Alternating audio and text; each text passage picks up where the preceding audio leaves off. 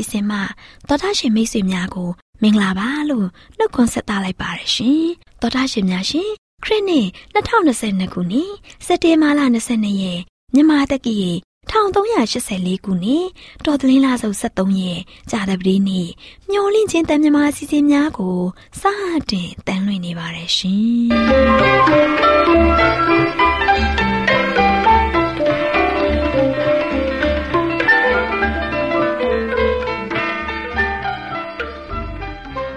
တော်တာရှင်များခင်ဗျာမျောလင့်ချင်းအတန်မြန်မာအစီအစဉ်ကိုနက်နက်6နာရီမိနစ်30မှ9နာရီအထိ16မီတာ kHz တစ်ခွန်ခွန်23ညညပိုင်း9နာရီမှ9နာရီမိနစ်30အထိ25မီတာ kHz 11943ညမှအတန်လွှင့်ပေးနေပါတယ်ခင်ဗျာဒီကနေ့ကြာသပတေးနေ့မှာထုတ်လွှင့်ပေးမယ့်အစီအစဉ်တွေကပျော်ရွှင်ချမ်းသာခရိယန်သာသနာအစီအစဉ်စံပြအိမ်အောင်ရေးအစီအစဉ်အစာအာဟာရဆိုင်ရာအကြံပေးချက်အစီအစဉ်တို့ဖြစ်ပါတယ်ရှင်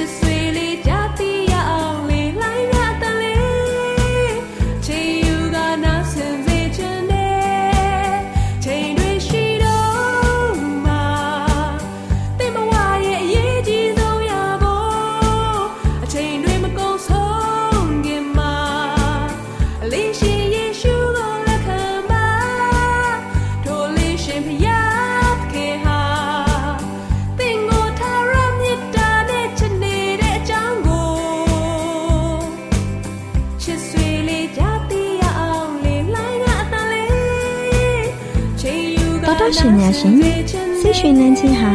ကိုယ်ခန္ဓာကိုကျန်းမာစေတတ်ပါတယ်။ခရိယန်သာသနာလုပ်ငန်းမှာလည်းပျော်ရွှင်မှုရှိဖို့လိုအပ်ပါတယ်ရှင်။ဒါကြောင့်ပျော်ရွှင်ကျမ်းမာခရိယန်သာသနာအကြောင်းကိုတင်ဆက်ပေးမှာဖြစ်ပါတယ်ရှင်။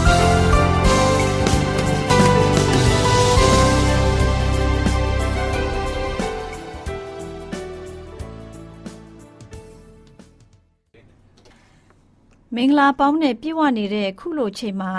သောတာရှင်များကို မင်္ဂလာပါလို့ဥစွာနှုတ်ခွန်းဆက်သလိုက်ပါတယ်ရှင်သောတာရှင်များရှင်ဝိညာဉ်တော်စာပေဆိုတာလူမျိုးတိုင်းအဆင့်တန်းမရွေးပဲကျမ်းမာရေးလူမှုရေးပညာရေးဘာသာရေးတိုးတက်မြင့်မားရေးတွေလမ်းညွန်သွန်သင်ပေးနိုင်တဲ့အမွန်မြတ်ဆုံးစာပေလို့ပြောနိုင်ပါတယ်ရှင်ဒါကြောင့်ပျော်ရွှင်ကျမ်းမာခရိယန်သာသနာဆိုတဲ့ဝိညာဉ်တော်စာပေရဲ့လမ်းညွန်သွန်သင်ချက်ကိုကျမအနေနဲ့ ကိုအားကိုကို၍အမှုတော်ဆောင်ခြင်းဆိုတဲ့အကြောင်းနဲ့ပတ်သက်ပြီးပထမပိုင်းကို တင်ပြပေးမှာဖြစ်ပါတယ်ရှင်။ပေါ်တရှင်များရှင်ကိုအားကိုကိုပြီးအမှုတော်ကိုဆောင်ခြင်းဟာနေရာအမြောက်များမှာအောင်မြင်နေပါတယ်။ပေါလုဟာသခင်ခရစ်တော်ရဲ့တည်င်းစကားကိုဖြန့်ချီတဲ့အခါမှာကိုအားကိုကိုပြီးအမှုတော်ကိုဆောင်ခဲ့တယ်။အာရှနဲ့ဥရောပမှာရှိတဲ့မြို့ကြီးတွေမှာနေထိုင်စဉ်ခရိယန်ဧဝံဂေလိတည်င်းစကားကိုသင်ကြားပေး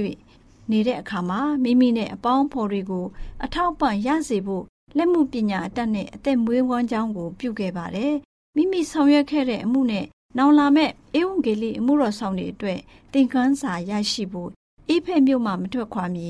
မြို့လူကြီးတွေကိုဘယ်လိုပြောခဲ့တယ်လဲဆိုတော့ပေါလုကငါသည်အာရှိပြည်သို့ရောက်သောနေ့မှစ၍ယခုတိုင်အောင်သင်တို့ရှေ့မှာအဘယ်သို့ကျင့်နေတာကိုသင်တို့သိကြ၏သင်တို့အကျိုးပြုစရာ တစုံတစ်ခုကိုမျှငါမထိန်မခွဲ့လူစုဝေးရ၌၎င်းအိမ်များ၌၎င်းတင်တို့အားဟောပြော၍ဆုံးမသွန်သင်ပေးသဖြင့်သူရွှေငွေအဝတ်တစားတို့ကိုငါသည်တတ်မဲ့ခြင်းမရှိပြီဤလက်တို့သည်ငါကို၎င်းငါအပေါင်းဖော်တို့ကို၎င်းလှုပ်ကြွေးပြီဟုတင်တို့သည်ကိုကိုကိုသိကြ၏ထို့သောတင်တို့သည်လည်းအလှုပ်လှုပ်၍အာနေသောသူတို့ကိုမဆာရမည်ကို၎င်းအစွန့်အကျဲခံခြင်းအရာထက်စွန့်ကြဲခြင်းအရာသည်သာ မုံပြန့်သည်ဟုတခေရှုမိန်တော်မူသောစကားတော်တို့ကို အောက်မေ့ရမည်ကို၎င်းအရာရာ၌သင်တို့အားငါပြသပြီဆိုပြီးတော့နှုတ်ကပတော်ကဖော်ပြခဲ့ပါတယ်။အခုခေတ်မှာလူအမြောက်အများဟာကိုကိုကိုညင်းပယ်တဲ့အဲ့ဒီလိုစိတ်ဓာတ်နဲ့အမှုတော်ကိုဆောင်ရွက်မယ်ဆိုရင် အလားတူအောင်မြင်ပါလိမ့်မယ်။နှစ်ဦးနဲ့အထက်တွဲဖက်ပြီးအမှုတော်ကိုအတူတကွစတင်ဆောင်ရွက်ပါအလဲပတ်သွားတာတွေဆူတောင်းတာတွေခရိယန်တေးသချင်းတွေတည်ဆိုခြင်း ကျမ်းစာတွေကိုရှင်းလင်းစွာသင်ကြားပေးခြင်းနဲ့ဖျားနာတဲ့သူတွေကိုကူညီဆောင်ရှောက်ရမယ်။ တချို့တို့ဟာစာအုပ်ရောင်းခြင်းဖြင့်အသက်မွေးဝမ်းကြောင်းပြုနိုင်တယ်။တချို့တို့ဟာရှေးတပိတော်တွေလိုပဲလက်မှုပညာနဲ့တခြားသောအလုပ်တွေနဲ့အသက်မွေးဝမ်းကြောင်းပြုနိုင်ပါတယ်။မိမိတို့ရဲ့အားနည်းချက်တွေကိုသိရှိပြီးဖျားသခင်ကိုပုံမကိုးစားခြင်းဖြင့်အမှုတော်ကိုဆောင်ရွက်တဲ့အခါမှာဖျားသခင်ကောင်းကြီးပေးတဲ့အတွေ့အကြုံတွေကိုရရှိပါလိမ့်မယ်။သခင်ခရစ်တော်ဟာသူတို့ရဲ့ရှေ့မှာကြွမြန်းလျက်ချမ်းသာတဲ့သူတွေနဲ့ဆင်းရဲတဲ့သူတို့ထံမှအကူအညီကိုရရှိပါလိမ့်မယ်။ ပင်လေရက်ချားမှာအမှုတော်ကိုဆောင်ဖို့လေ့ကျင့်ထားတဲ့ကျမ်းမာရေးသာသနာပြုတွေဟာမိမိတို့ရဲ့အမှုတော်ကိုဆောင်ရမယ့်ဒေသများကိုအချိန်မဆိုင်ပဲစတင်ဆောင်ရွက်ဖို့အားပေးတိုက်တွန်းရမယ်။အဲ့ဒီလိုအမောင်ကျလျက်ရှိတဲ့ဒေသတွေနဲ့ဝိညာဉ်ရဲ့အားနည်းလျက်ရှိတဲ့လူများရှိတဲ့အရာမှာခရိယံမိသားစုတွေတွားရောက်အခြေချပြီးသခင်ခရစ်တော်ရဲ့အလင်းကို ထွန်းတောက်စေပါကအမှုတော်ပြီးမြောက်နိုင်ပါတယ်။အဲ့ဒီလိုအမှုတော်ကိုဆောင်ရွက်တဲ့အခါမှာကိုကိုကိုညင်းပယ်ရမယ်။အတားအဆီးတွေအားလုံးဖယ်ရှားပြီးသည့်တိုင်အောင်စောင့်နေပါကလှုပ်ရမယ့်အလုပ်တွေအောင်မြင်လိမ့်မှာမဟုတ်ပါဘူး။လူအမြောက်အများဟာဖျားသခင်ကိုမသိပဲနဲ့မျောလင့်ချက်မရှိပဲပျောက်ဆုံးသွားလိမ့်မယ်။လူအချို့တို့ဟာစီးပွားရေးအကျိုးအမြတ်တွေရောသိပ္ပံပညာဆိုင်ရာစမ်းသပ်မှုတွေပြုလုပ်ဖို့အတွက်ရောလူသူမရှိတဲ့အရာဒေတာတွေအတွင်းကိုသွားရောက်ပြီး အခက်ခဲတွေ့ကြုံနေထိုင်ရပေမဲ့လည်းလူသားအချင်းချင်းကိုကူညီမဆဖို့ခရိယန်ဧဝံဂေလိတည်င်းစကားမရောက်သေးတဲ့နေရာတွေကိုမိသားစုနဲ့တကွပြောင်းရွှေ့နေထိုင်ဖို့အလိုရှိကြတဲ့သူတွေဟာအင်မတန်မှနေပါနေပါတယ်စစ်မှန်တဲ့အမှုတော်ဆောင်ခြင်းဟာဘယ်အရဒေတာအဆင့်အတန်းအခြေအနေမှာရှိစေကမူလူများစီကိုသွားရောက်ပြီးတတ်နိုင်သမျှကူညီခြင်းဖြစ်တယ်။အဲဒီလိုစ조사ခြင်းဖြင့်ဝိညာဉ်တွေကိုရရှိပြီးတော့ဆုံးရှုံးတော့မဲ့သူတွေကို ကူညီဖို့တကားပွင့်သွားပါလိမ့်မယ်။မိမိလှုပ်ဆောင်သမျှအားလုံးဟာကယ်တင်ချင်းစီမံကိန်းရဲ့တစ်စိတ်တစ်ပိုင်းမှာသခင်ခရစ်တော်နဲ့အတူလှုပ်ဆောင်နေကြောင်းကိုတတိပြုရမယ်။အသက်ရှင်ခြင်းကိုပေးသနာတဲ့သခင်ခရစ်တော်ရဲ့မေတ္တာတော်ဟာတင့်အသက်တာမှာတဆင့်စီးစင်းရမယ်သခင်ခရစ်တော်ရဲ့မေတ္တာဆက်ဝိုင်းအတွင်းကိုတခြားလူတွေကိုဆွဲဆောင်တဲ့အခါမှာတန်ရှင်းတဲ့သူရဲ့အပြောဆိုကိုကြိုးမဖက်တဲ့ အကူအညီမဆမှုတွေဝမ်းမြောက်ခြင်းနဲ့ပြည့်ဝတဲ့နေထိုင်မှုပုံစံတို့ဟာသခင်ခရစ်တော်ရဲ့ကျေးဇူးတော်ကိုတက်တည်ပြရမှာဖြစ်တယ်။တဒီလောကကိုဖျားသခင်ရဲ့တန်ရှင်းဖြောင့်မတ်ခြင်းကိုတက်တည်ပြုဖော်ပြခြင်းဖြင့်လူတိုင်းဟာဖျားသခင်ကိုသိကျွမ်းပါစေ။ကျမတို့ကမှားယွင်းတယ်လို့ယူဆတဲ့တခြားသူတွေရဲ့အကျင့်တွေကိုတိုက်လံခြင်းဖြင့်ပြုပြင်ပြောင်းလဲမှုတွေကိုလှုပ်ဆောင်ခြင်းဟာအကျိုးမရှိပါဘူး။ အဲ့ဒီလိုလှုပ်ဆောင်ခြင်းဖြင့်ကောင်းကျိုးထက်ဆိုးကျိုးသာဖြစ်စေပါမယ်။ရှမာရိအမျိုးသမီးကိုမိတ်ကြားတဲ့အခါမှာကိုရိုဟာယာကုပ်ရဲ့ရည်တွင်တကူမရှိကြောင်းပြောဆိုမဲ့အစားတာ၍ကောင်းသောအရာများအကြောင်းကိုပြောကြားတော်မူခဲ့ပါတယ်။ယေရှုကလည်းဖျားသခင်၏ကျေးဇူးတော်ကို၎င်းငါတောက်ဖို့ရေပေးပါဆိုသောသူက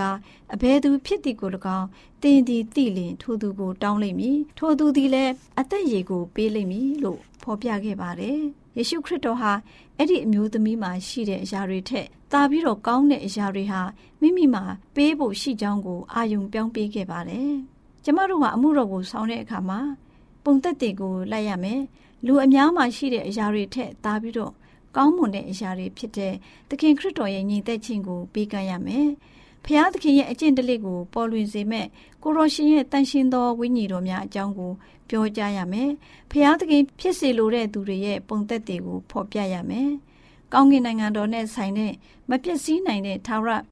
အရာတွေဟာဒီလောကမှာရှိတဲ့ခဏတာခံတဲ့အရာတွေထက်တာပြီးမွန်မြတ်ကြောင်းကို ပြသရမယ်။ကတိန်ပိုင်ရှင်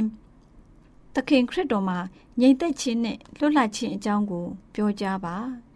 သခင်ခရစ်တော်ကငါပေးသောရေကိုတောက်တော်သူမူကားရေငတ်ခြင်းနဲ့အစင်မပြကင်းလို့လိမ့်မည်လို့ဖော်ပြခဲ့ပါတယ်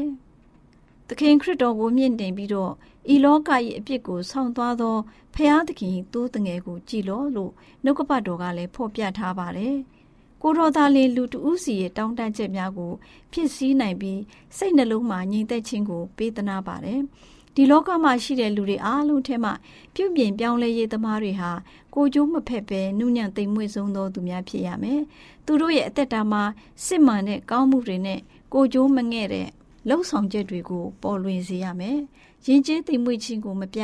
ညာနဲတဲ့သူတွေ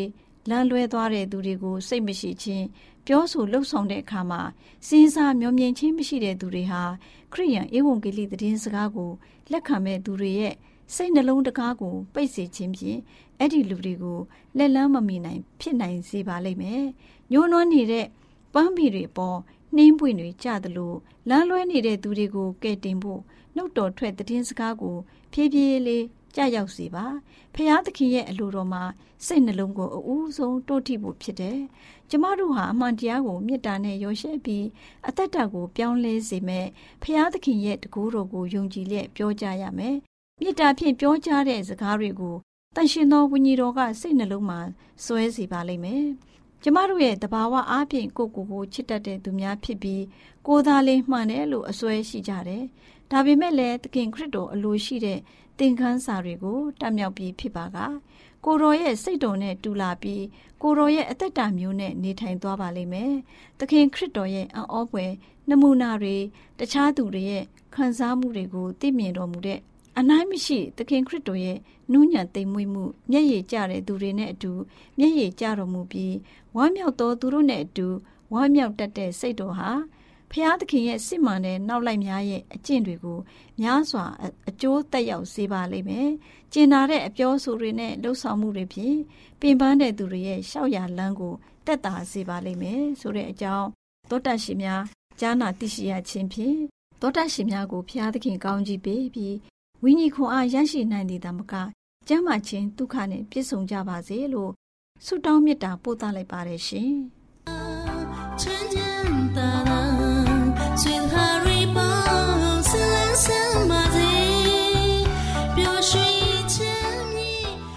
တောတရှင်များရှင်ကျမပျော်ရွှင်လူပေါင်းတွင်ကျမရေးကဏ္ဍမှာကျမမာလေးနဲ့အားချယ်ရီတို့လေ့လာထားတယ်လုပ်ငန်းခွင်စာမှုပွဲဖြစ်ခံပြီးအ စားအစာကိုကောင်းကောင်းစားပါဆိုတဲ့အကြောင်းကိုဆွေးနွေးတင်ဆက်ပေးသွားမှာဖြစ်ပါတယ်ရှင်။တော်တာရှင်များရှင်ယနေ့ခေတ်အချိန်ခါမှာဘဝတိုးတက်မှုအတွက်ចောင်းစာမေးပွဲတွေအပြင်လုပ်ငန်းခွင်စာမေးပွဲတွေကိုပါမကြာခဏဖြေဆိုရလိမ့်ရှိပါတယ်ရှင်။ စာမေးပွဲအတွက်စိတ်ရောကိုယ်ပါအားစိုက်ပြီးပြင်ဆင်ရတဲ့အတွက်ခန္ဓာကိုယ်ဟာခါတိုင်းအချိန်တွေထက်ပိုမိုပင်ပန်းနွမ်းနယ်နေတတ်ပါတယ်။ဒါကြောင့်စာမေးပွဲမဖြေခင်မှာအစာကိုကောင်းကောင်းစားသွားဖို့လိုအပ်လာပါတယ်ရှင်။သောတရှင်များရှင်။ဇာမတာတင်စာမေးပွဲမေးခွန်းတွေကိုမှန်ကန်စွာဖြေဆိုနိုင်မှာဖြစ်တယ်လို့စာလောင်မှုကြောင့်ဖြစ်လာရတဲ့ဖိုင်နာတာပင်ပန်းနွမ်းနေတာတွေနဲ့ကင်းဝေးမှာဖြစ်တယ်မဟုတ်ပါလားရှင်။ တဲ့ cherry စာတွေမှတ်နေရတယ်ဆိုတော့မလေးက cherry စားဖို့အတွက်ချက်ပြုတ်ပေးမယ်နော်ဟာမလေးချက်ပြုတ်ပေးမယ်ဆိုရင်တော့ကျေးဇူးပဲတငယ်ချင်းရချယ်ရီကစားရီအတွက်စိတ်ပူနေရတော့ထမင်းဟင်းချက်ဖို့အချိန်မပေးနိုင်ဘူးလေဖြစ်တယ်လို့ပဲစားတော့မယ်လို့စိတ်ပူထားတာအခုတော့မလေးချက်ပေးမယ်ဆိုတော့အတော်ပဲပေါ့ကွာ cherry ရေအဲ့ဒီလိုတော့မလုပ်ပါနဲ့ကွာ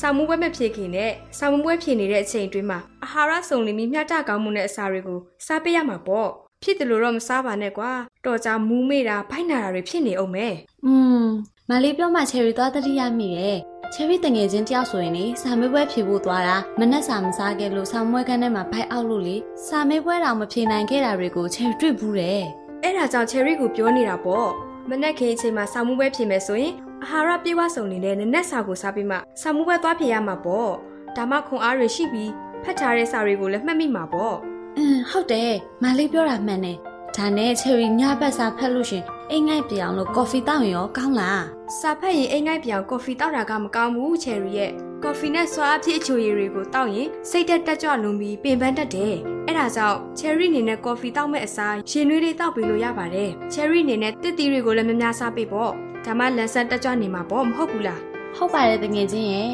အော်ဒါနဲ့မလေးချယ်ရီကတော့လေကြက်မှတ်ထားတဲ့စာတွေကိုမေ့သွားမှဆိုလို့ အိယာကိုတော့မှစောစောဝင်အိတ်တယ်အေးရေးမဝရင်ခေါင်းမူတက်လွန်းလို့အေးရေးပြက်လည်းမခံတော့ဘူးမလေးရဲ့အဲ့ဒါကအရေးကြီးဆုံးပဲမလေးဆိုရင်လည်းစာမွေးပွဲဖြစ်ချိန်ဆိုရင်ဘယ်တော့မှအဲ့ရပြက်မခံဘူးအာဟာရစုံလင်တဲ့အစားအစာနဲ့အသီးနှံတွေကိုစားပေးတယ်ရေကိုလည်းများများတောက်တယ်လေခန္ဓာကိုယ်အတွင်းမှာရေဓာတ်ခံချောင်းရင်စာမွေးပွဲဖြစ်ဆိုနေတဲ့အချိန်မှာအာယုံဆူဆိုင်နိုင်စွမ်းနှဲမှာဆိုလို့ရေကိုများများတောက်ပေးတယ်ဟုတ်လားမလေးရဲ့ ချယ်ရီကစာဖက်ရင်ရေတောက်ဖို့တော့မေ့နေတာမလေးပြောမှပဲတတိရတယ်တော်ပါသေးရဲ့နောက်တစ်ခုက cherry အနေနဲ့စာမွေးပွဲဖြစ်ရမှာကိုစိတ်လှုပ်ရှားပြီးအစာမစားချင်ဘူးဆိုရင်တစ်တီဖြော်ရည်လေးဖြော်တောက်ပေါ့ကွာဒါမှလည်းခန္ဓာကိုယ်အတွက်လိုအပ်တဲ့စွမ်းအင်တွေရမှာမဟုတ်လားအင်းဟုတ်တယ်အဲ့လိုတသေးဖြော်ရီကိုတော့ချယ်ရီအရင်ကြိုက်တယ်မလေးကတော့စာမိုးပွဲအချိန်တွင်းဆိုရင်တစ်တီဖြော်ရည်တစ်ခုခုကိုအမြဲလုံးတောက်တာနောက်ပြီးဗီတာမင်အားဆေးတွေကိုလည်းအမြဲတောက်တယ်ဘလို့အားစေးတွေကိုတောက်တာလဲမလေးရဲ့။ ဘာဆေးတွေလဲဆိုတော့လေ omega 3 fatty acid နဲ့ဗီတာမင် B အုပ်စုပါဝင်တဲ့ဆေးတွေကအုံနောက်ရဲ့လုပ်ငန်းဆောင်ရွက်မှုတွေကိုကောင်းမွန်စေတယ်တဲ့ဟုတ်မယ်နော်ဒါကြောင့်မလေးကစာမေးပွဲဖြေလိုက်ရင်အမြဲတမ်းအမှတ်တွေကောင်းနေတာကို။ကဲပါ cherry ရဲ့လုပ်ငန်းခွေဆောင်မပွဲဖြစ်ဖို့ပြင်ဆင်နေတဲ့ cherry ကိုမလေးကအာဟာရစုံလင်တဲ့အစားအစာတွေကိုချက်ပြုတ်ခြင်းမယ်နော်။စိတ်ကိုအေးအေးဆေးဆေးထားပြီးစာချက်ပြီးတော့ကျေးဇူးပါပဲတငယ်ချင်းရဲ့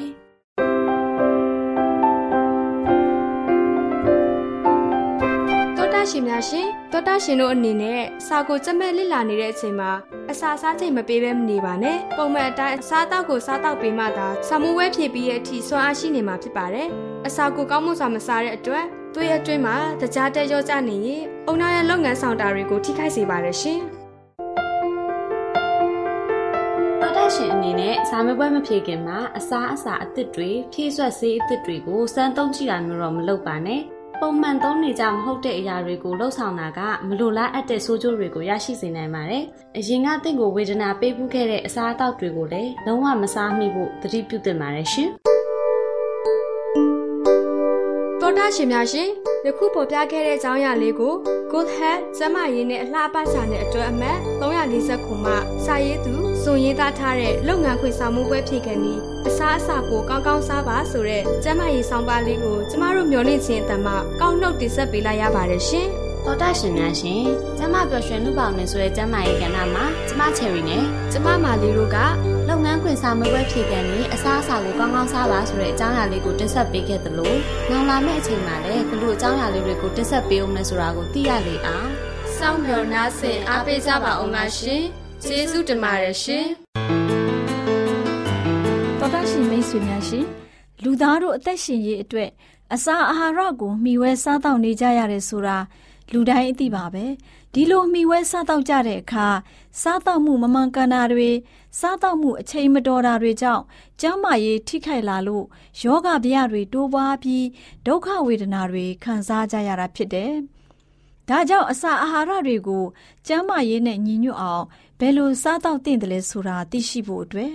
ကျမတို့မျှဝင့်ခြင်းအတ္တမထုတ်လွှင့်ပေးမဲ့အစာအာဟာရဆိုင်ရာအကြံပေးချက်တွေကိုလေ့လာမှတ်သားကြပါစို့သောတာရှင်များရှင်ဒီကနေ့အစာအာဟာရဆိုင်ရာအကြံပေးချက်ကဏ္ဍမှာ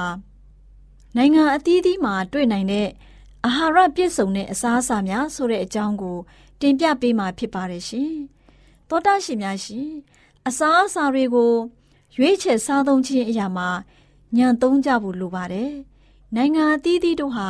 ခန္ဓာကိုယ်တိဆောက်တဲ့အခါမှာမရှိမဖြစ်လိုအပ်တဲ့အာဟာရတွေနဲ့ပြည့်စုံတဲ့အစာအမျိုးမျိုးကိုဖျားသခင်ရဲ့အစီအမံအဖြစ်ထုတ်လုပ်နေပါပြီ။အဲ့ဒီအရာတွေကိုကျမ်းမာရေးနဲ့ပြည့်စုံတဲ့စားကောင်းတောက်ဖွယ်အဖြစ်ပြုပြင်ဖန်တီးနိုင်ပါတယ်။တတိပညာရှိရှိစီမံကြလို့ရှိရင်ကျမ်းမာရေးကိုအထောက်အကူပြုတဲ့အစားအစာတွေကိုနိုင်ငံတိုင်းနှီးပါးမှာရရှိနိုင်ကြပါတယ်။ဆန် လူစားကြုံမြင်းစားကြုံနဲ့ပြောင်းဘူးတွေကို ပုံစံအမျိုးမျိုးနဲ့ပြင်ဆင်ပြီးတော့နိုင်ငံအသီးသီးကိုပို့ဆောင်နေကြပါတယ်။ပဲဒီပဲတောင်နဲ့ပဲနီကလေးတွေကိုလည်းအဲ့ဒီနီးအတိုင်းပဲပို့ဆောင်ရောင်းဝယ်နေကြပါတယ်။ပြည်တွင်းစိုက်ပျိုးအသီးနှံတွေနဲ့ပြည်ပမှသွင်းယူတဲ့အသီးတွေအပြင်ဒေသအသီးသီးမှာစိုက်ပျိုးတဲ့ဟင်းသီးဟင်းရွက်အမျိုးမျိုးတို့ဟာလည်းအသားမပါပဲစုံလင်တဲ့အစာအာဟာရတွေကိုရွေးချယ်နိုင်ဖို့ အခွင့်ကောင်းတစ်ခုပေးနေပါတယ်။စပစ်သီးချောက်၊ဇီးသီးချောက်၊ပန်းသီးချောက်၊တစ်တော်သီးချောက်၊မက်မွန်သီးချောက်နဲ့တရုတ်ဇီးသီးချောက်တွေကိုနေရာတကာမှာတင့်လျော်တဲ့ဈေးနှုန်းနဲ့ဝယ်ယူရရှိနိုင်တယ်။အဲ့ဒီအစားအစာတွေအပြင်အလုတ်သမားလူဒန်းစားတွေတောင်မှခွန်အားတိုးပွားပြီးကျန်းမာခြင်းနဲ့ပြည့်စုံလာနိုင်ကြပါတယ်။ပိုပြီးပူနွေးတဲ့အရာဒေသတွေမှာအလုတ်လောက်ကင်နေသူတွေကိုအေးမြတဲ့ဒေသမှအလုတ်သမားတွေထက် အလုတ်ပမာဏကိုလျှော့ပြီးလောက်ကင်စေတဲ့နဲ့အစားအစာတွေမှာတကြားအသုံးပြုခြင်းနဲ့တကြားအသုံးပြုခြင်းနဲတာနဲ့အမျှပူပြင်းတဲ့ရာသီဥတုကြောင့်ဖြစ်ပေါ်လာမဲ့ယောဂဗျတွေလည်းနှဲပါသွားပါလိမ့်မယ်။လူတို့ဟာမိမိတို့လှုပ်ဆောင်ရမယ့်အလုပ်တွေကိုရိုးရိုးဖြောင့်ဖြောင့်လုပ်ကင်ဆောင်ရွက်နိုင်ဖို့မိမိတို့ရင်ဆိုင်နေရတဲ့အခြေအနေကိုနားလေသဘောပေါက်ထားကြရမှာဖြစ်တယ်ဖျားသခင်ဟာကဘာပေါ်မှာရှိတဲ့မတူညီတဲ့အရာဒေသတွေမှာနေထိုင်တဲ့သူတွေအတွက် ပြင်ဆင်မှုတွေကိုလှုံ့ဆော်ထားပြီးဖြစ်ပါတယ်။စားတဲ့အစားအစာနဲ့မစားတဲ့အစားအစာတွေကိုလည်းခွဲခြားသတ်မှတ်တဲ့အခါမှာလည်းတတိကြီးစွာထားသင့်ပါတယ်။ဖျားသခင်ကဲတင်တော်မူတဲ့လူတို့ထံကိုဂယုဏတည်င်းစကားကို တင်ဆက်တဲ့အခါမှာလူသားစေတမန်တွေဟာဖျားသခင်နဲ့ပူးပေါင်းကြရမှာဖြစ်တယ်။အစားအစာနဲ့ပတ်သက်ပြီးလိုက်လျှောက်ရမယ့်တိကျတဲ့ဖွင့်ဆိုချက်တွေကို လူတို့မတတ်မှတ်ထားကြပေမဲ့အသီးအနှံနဲ့အခွန်မာသီးတွေ အရှံပယ်ပေါများတဲ့နိုင်ငံတွေမှာဖျားသခင်ရဲ့သားသမီးတွေအတွက်စားသင့်တဲ့အစားအစာတွေဖြစ်ပါတယ်။တစ်နှစ်အတွင်းလပေါင်းများစွာလက်ဆက်တဲ့အသီးနှံတွေစားသုံးနိုင်တဲ့နိုင်ငံတွေမှာနေထိုင်သူတွေကိုအသီးအနှံတွေမှာရှိတဲ့ကောင်းကြီးမင်္ဂလာများရယူခံစားဖို့ဖျားသခင်ဟာဆန္ဒရှိပါတယ်။အပင်တွေမှအသီးတွေကိုလက်လက်ဆက်ဆက်ခူးစားခြင်းကိုပို့ပြီးတော့လှုပ်ဆောင်လေးလေးကြီးကျယ်တဲ့ကောင်းကြီးမင်္ဂလာတွေကိုပို့ပြီးတော့ရလေလေဖြစ်ပါတယ်။ ဖျားသခင်ရဲ့လမ်းပြမှုအတွက်အာမခံချက်တစ်ခုကတော့အသက်တာကိုခိုင်ခန့်စေနိုင်သည်သာမကဘူးယောဂဗျကင်းရှင်းစေနိုင်တဲ့အသီးအနှံနဲ့ဟင်းသီးဟင်းရွက်တွေကိုပေါင်းဆက်စားသုံးဖို့ကဘာအနှံ့မှာရှိတဲ့လူသားတွေကိုဖျားသခင်သွန်သင်တော်မူပါတယ်။ကျမ်းမာရေးနဲ့ပြည့်စုံတဲ့အစာတွေကိုပြင်ဆင်ချက်ပြုတ်နည်းတွေကိုလည်း အခုအချိန်မှာဈေးမှာမတွေ့ဘူးတဲ့သူတွေဟာမြေမှထွက်တဲ့အသီးနှံတွေကိုတတိပညာရှိရှိလက်တွေ့စမ်းသပ်ကြပါလိမ့်မယ်။အဲ့ဒီအသီးနှံတွေကိုအသုံးပြုခြင်းနဲ့ပတ်သက်တဲ့အလင်းတရားတွေကိုလည်းပေးထားပြီးဖြစ်ပါတယ်။ကဘာတခြားမှာနေထိုင်တဲ့သူတွေကိုကျွမ်းကျင်မှုနဲ့နားလည်မှုကို ပေးသနာတော်မူတဲ့ဖျားရှင်ဟာတခြားကဘာတခြားမှာရှိတဲ့လူတွေကိုလည်းကျွမ်းကျင်မှုနဲ့နားလည်မှုကိုပေးသနာတော်မူလိမ့်မယ်။ နိုင်ငံတနိုင်ငံမှာရှိရိတ်ခါဘာနာတွေကိုအဲ့ဒီနိုင်ငံနဲ့တင့်လျော်အောင် ပြင်ဆင်စားသုံးဖို့အကြံတော်ရှိပါတယ်။မိမိတို့ရဲ့ဒေသအသီးသီးမှာထွက်တဲ့တဘာဝအသီးနှံတွေမှာကျန်းမာရေးနဲ့ပြည့်စုံတဲ့အစာတွေပြင်ဆင်ခြင်းဖြင့်မိမိတို့ရဲ့စွမ်းရည်တွေကိုဖွံ့ဖြိုးအောင်လှုပ်ဆောင်ဖို့ကဘာရရမှာရှိတဲ့လူတွေကိုအားပေးဖို့ဖျားသခင်ရဲ့အကြံတော်ဖြစ်ပါတယ်။တန်ရှင်သောဝိညာဉ်တော်ရဲ့လမ်းပြမှုကိုခံယူပြီးမိမိတို့ရဲ့ကျွမ်းကျင်မှုတွေနဲ့ တီထွေဉာဏ်တွေကိုအသုံးပြုပြီးတော့ဖျားသခင်ကို ကြည့်လို့ရှိရင်အဲ့ဒီတဘာဝမြေထွက်သီးနှံတွေကိုကျမ်းမာရေးနဲ့ပြည့်စုံတဲ့အစာတွေအဖြစ်ပြုလုပ်ပုံတွေကိုလေ့ကျက်လာနိုင်ပါတယ်။အဲ့ဒီလူတွေဟာအသားနေရာမှာအစာထိုးစားသုံးနိုင်မဲ့အစာအစာတွေပြင်ဆင်ပုံတွေကိုဆင်းရဲသားတွေကိုသွန်သင်လာနိုင်လိမ့်မယ်။ဒီနည်းအားဖြင့်ဆင်းရဲတဲ့လူတွေကလည်းတခြားလူတွေကိုတက်လက်သွန်သင်နိုင်ကြလိမ့်မယ်။ဒီလိုအမှုတော်တစ်ခုမှာ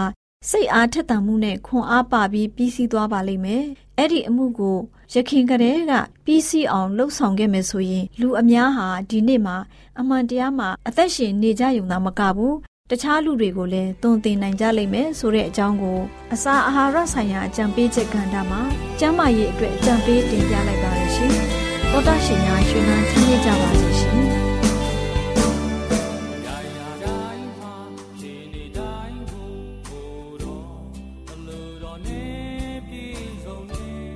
ရှင်။။သောတာရှင်များရှင်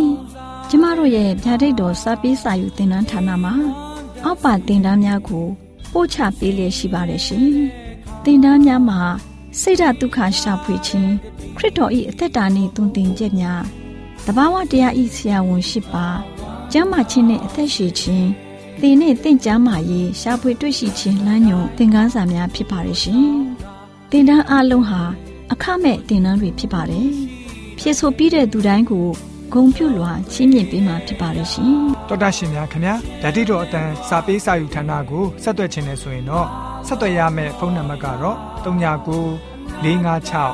296 336နဲ့39 98 316 694ကိုဆက်သွယ်နိုင်ပါတယ်ဓာတိတော်အတန်းစာပေးစာယူဌာနကိုအီးမေးလ်နဲ့ဆက်သွယ်ခြင်းနဲ့ဆိုရင်တော့ L A L R A W N G B A W L A @gmail.com ကိုဆက်သွင်းနိုင်ပါတယ်။ဒါ့အပြင်အတန်းစာပေးစာဥထာဏာကို Facebook နဲ့ဆက်သွယ်ခြင်းနဲ့ဆိုရင်တော့ SOE SAN DAR Facebook အကောင့်မှာဆက်သွင်းနိုင်ပါတယ်။ AWR မျော်လင့်ခြင်းတန်ကိုအားပေးနေတယ်တော်တာရှင်များရှင်မျော်လင့်ခြင်းတန်မှာအကြောင်းအရာတွေကိုပုံမသိရှိပြီးဖုန်းနဲ့ဆက်သွယ်လိုပါက39 2939 3926ခွန်45နောက်ထပ်ဖုန်းတစ်လုံးအနေနဲ့ 39 688 464 48ခွန်ကိုဆက်သွယ်နိုင်ပါတယ်ရှင် AWR မျော်လင့်ခြင်းအတန်ကိုအားပေးနေတဲ့ဒေါက်တာရှင်များခင်ဗျာမျော်လင့်ခြင်းအတန်ကအကြောင်းအရာတွေကိုပုံမသိရှိလိုပြီးတော့ဖုန်းနဲ့ဆက်သွယ်လို့မယ်ဆိုရင်တော့39 253 396 465နဲ့39 688 464 48ခွန်ကိုဆက်သွင်းနိုင်ပါတယ် တော်တာရှင်များရှင် KSTA အာကခွန်ကျွန်းမှာ AWR မျော်လင့်ခြင်းအတန်မြန်မာအစီအစဉ်များကိုအတန်လွှင့်တဲ့ခြင်းဖြစ်ပါတယ်ရှင် AWR မျော်လင့်ခြင်းအတန်ကိုနာတော်တာဆင် gay ကြတော့တောတာရှင်အရောက်တိုင်းပေါ်မှာဖျားသခင်ရဲ့ကြွယ်ဝစွာသောကောင်းကြီးမင်္ဂလာတက်ရောက်ပါစေကိုစိတ်နှဖျားစမ်းမွှေလန်းကြပါစေကျေးဇူးတင်ပါတယ်ခင်ဗျာ